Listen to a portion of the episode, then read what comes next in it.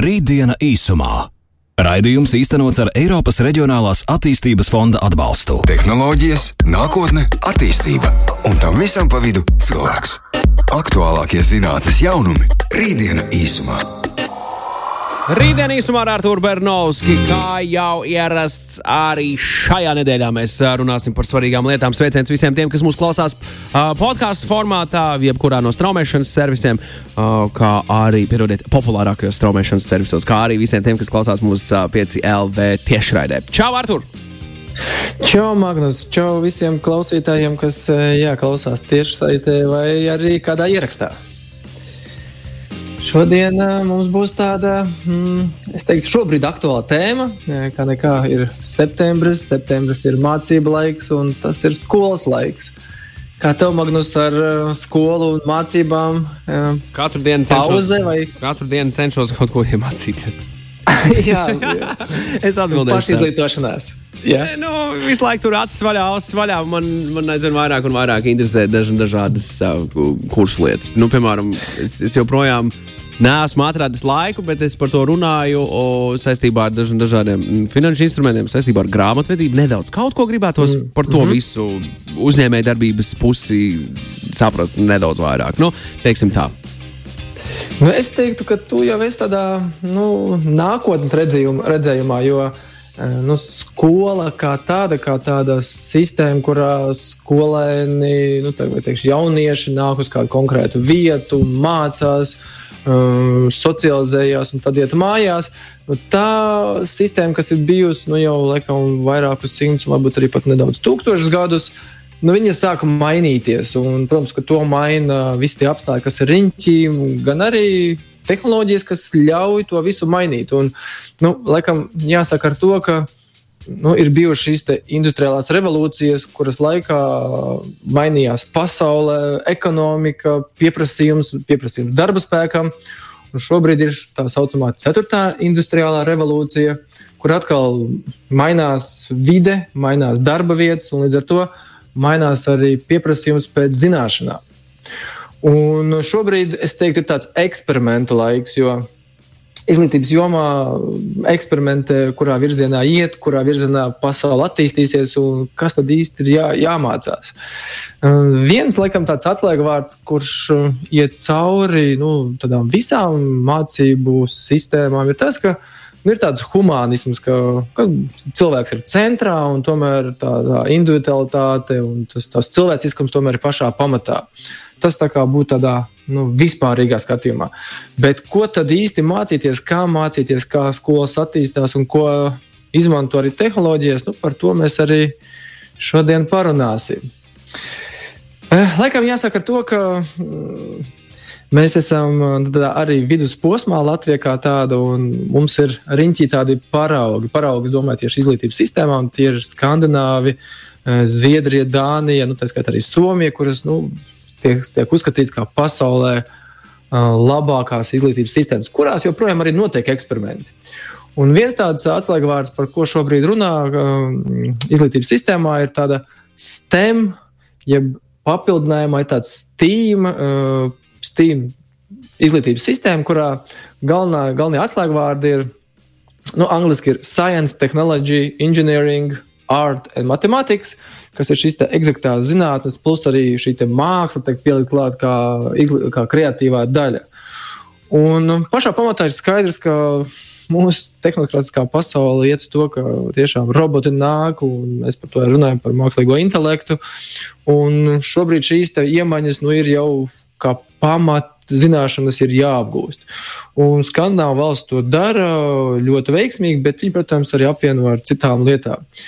Un uh, šajā gadījumā, nu, ja mums Latvijā varbūt vēl nav tā izglītības sistēma sakārtot tā, ka uh, pirmskolas vecumā un varbūt sākuma skolā ir šī programmēšana, tad uh, vecāki, kas uh, nu, domā par varbūt šo nākotnes virzību, ka tas varētu iet šajās eksaktajās zinātnēs un šīs nepieciešamība būtu, ir arī risinājumi, kas ir ar spēļošanas elementiem, tāds spēlīts, jāsaka, vai tādas. mm, aktivitātes, kas palīdz bērniem nu, jau izprast programmēšanu kā tādu. Un, uh, ir, ir sistēmas kā Robopēl, Make PI un Education, arī LEGO.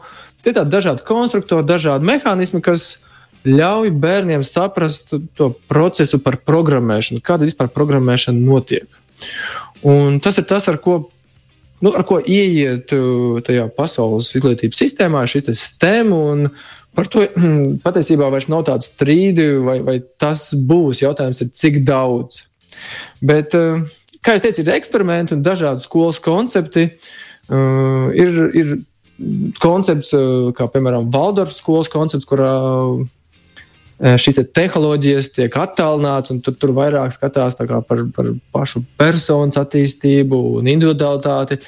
Bet eh, Nīderlandē pirms eh, mazāk kā desmit gadiem mm, tika izveidots tāds interesants jauns koncepts, kā Steve Jobs skolas koncepts. Neko tādu, neko tādu neesmu dzirdējis. Steve Jobs skolas koncepts. Artur, kas Jā, tas nu, ir? Tas, eh, protams, nosaukts eh, pasaules slavenā Apple inovatora vārdā, Steva Jobsa vārdā. Tāds skolas koncepts, kurā, eh, kurā, kas notika Nīderlandē, un to ievies, sāk ieviest 46 skolās. Un tas koncepts ir tāds, ka skolā tiek izmantots maksimāli daudz tehnoloģijas. Viss ir planšetēs, mobilās ierīcēs, virtuālajā ekrānā. Principā var teikt, tā kā viedā, gudrā skola, bet maksimāli tehnoloģijām.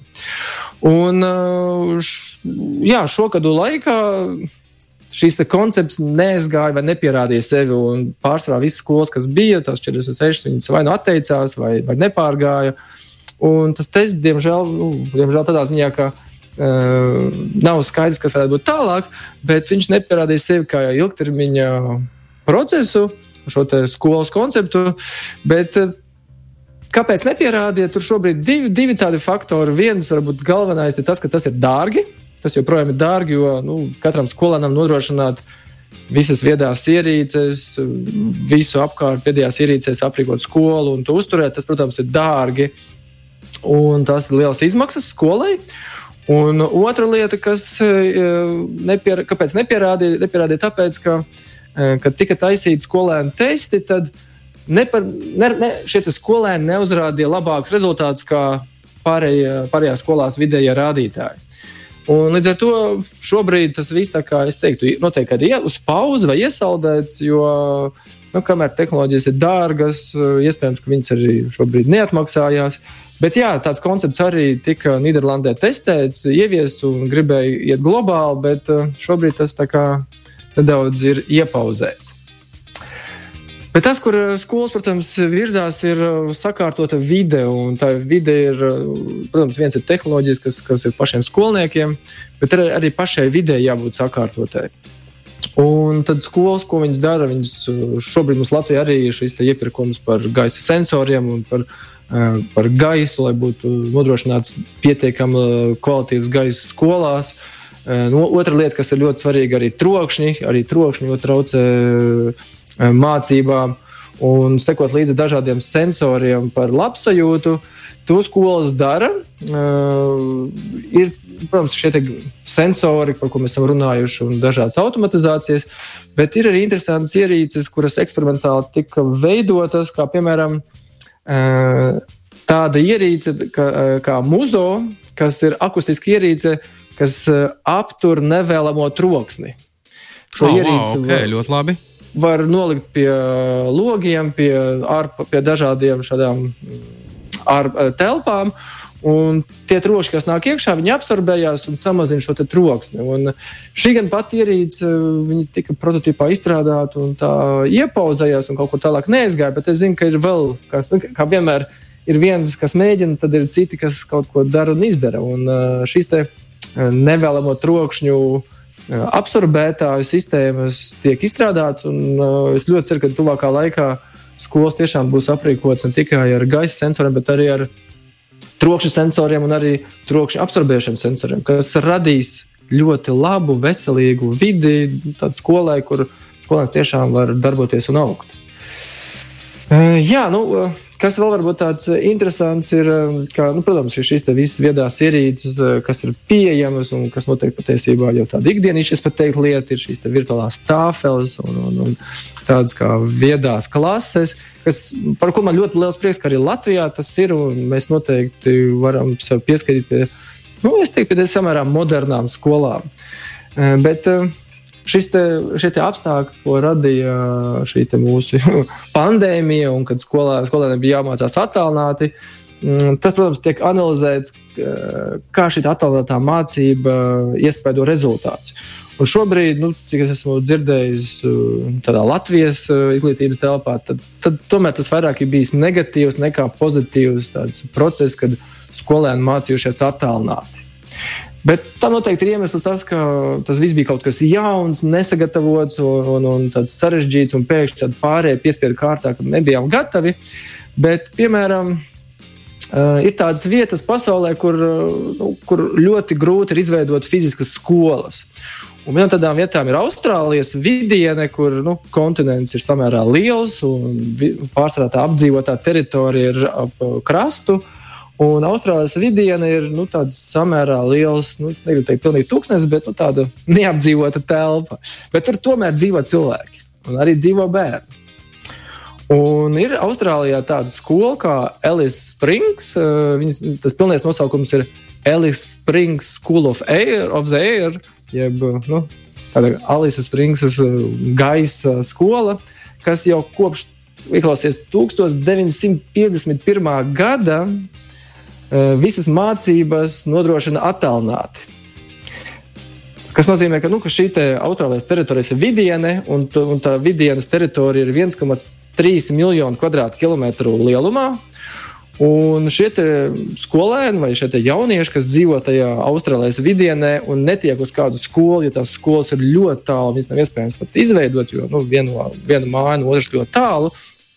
Tur šī attālinātās mācības notiek jau nu, vairāk kā pusgadsimtu.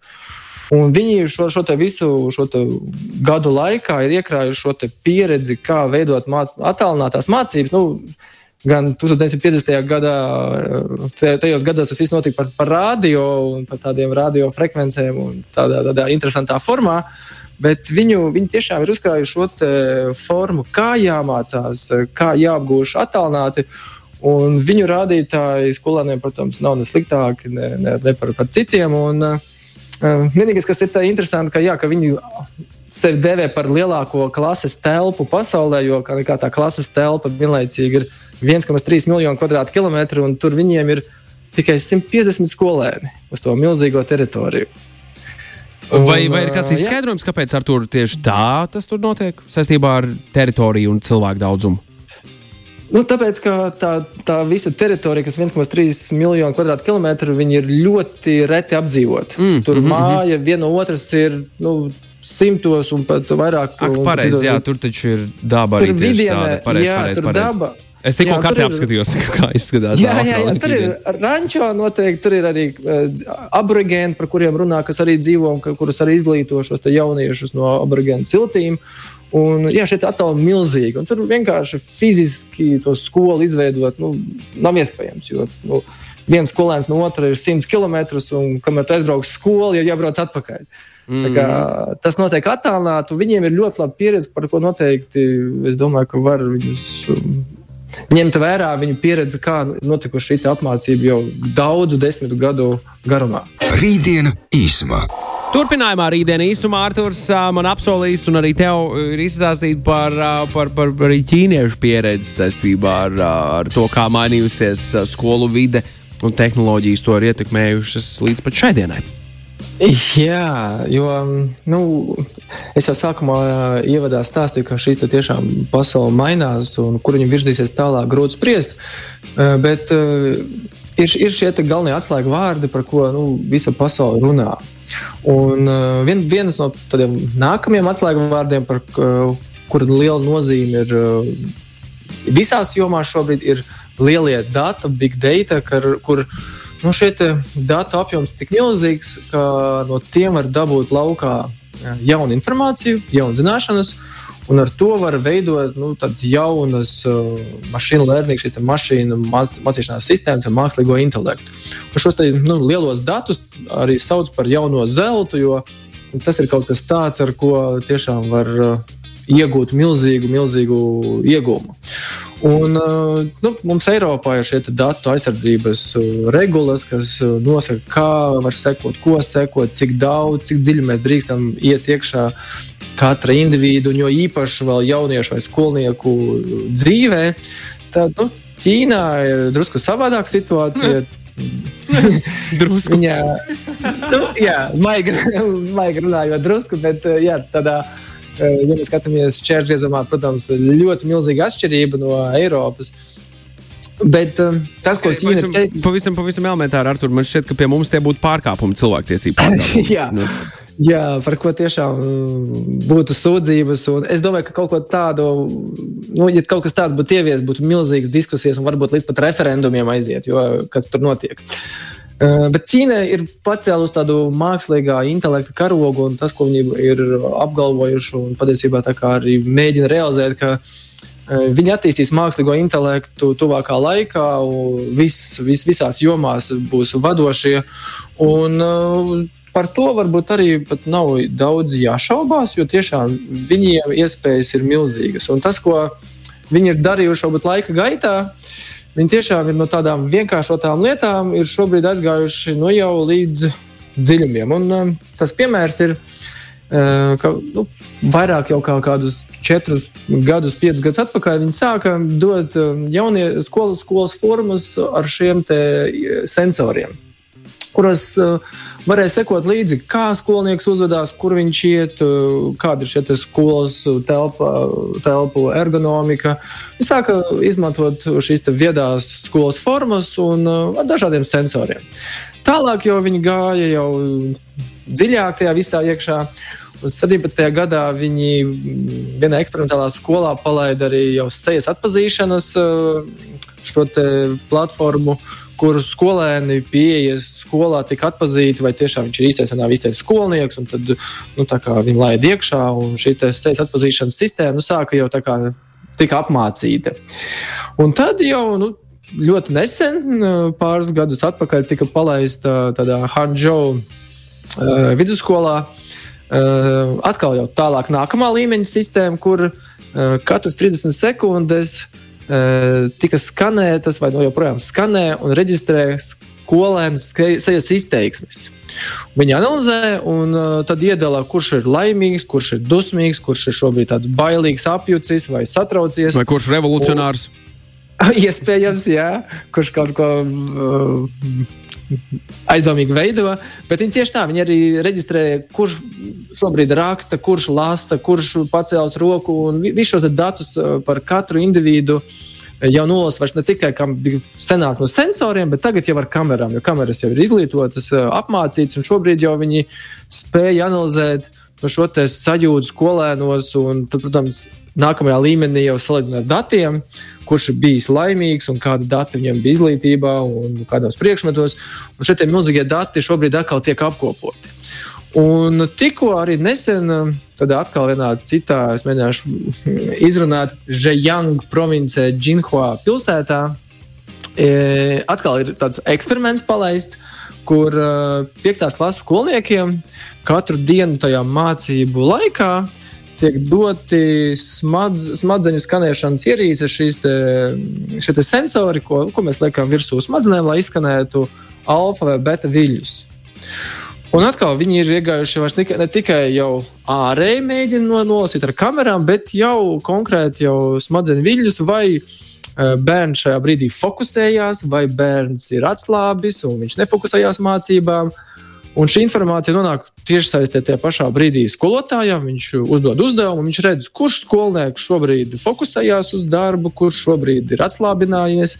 Un šī informācija pieejama arī vecākiem. Arī vecāki var sekot līdzi par savu atlastību, kā viņš skolā darbojās. Un cik viņš tiešām veltīja šo fokusu mācībām, viņš tomēr izklaidējās.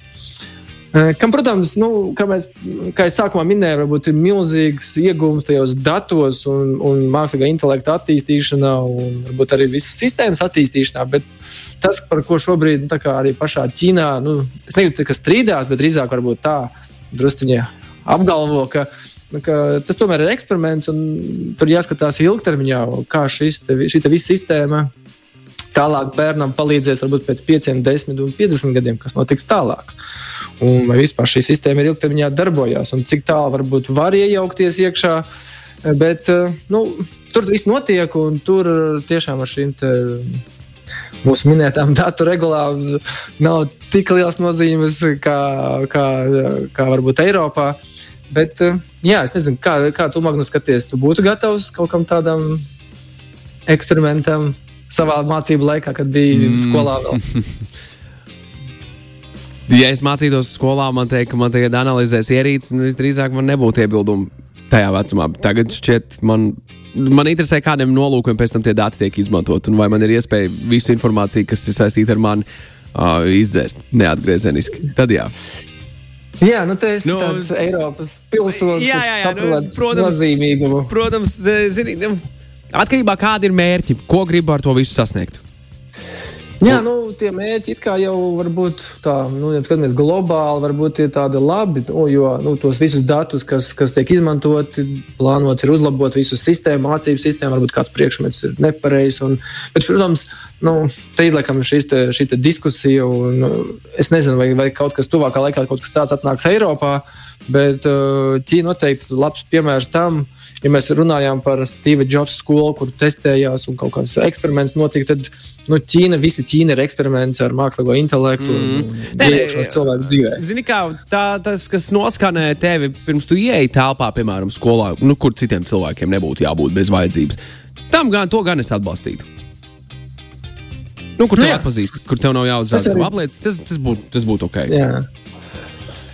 Tas bet nu, okay. dziļāk jau ir jau pārāk privāti. Jau jā, labi, ka mēs neesam ar to tie cilvēki, kam ir jāpieņem lēmums saistībā ar šādām jā. lietām. To darīt vai to nedarīt. Tas, tas, tas Katrā ziņā paldies liels par rītdienu īsumā. Šis bija diezgan aizraujošs piedzīvojums, kurā tu mūs ievēdi ar tur līdz nākamajai reizei. Paldies tev! Čau! Jā, čau, čau!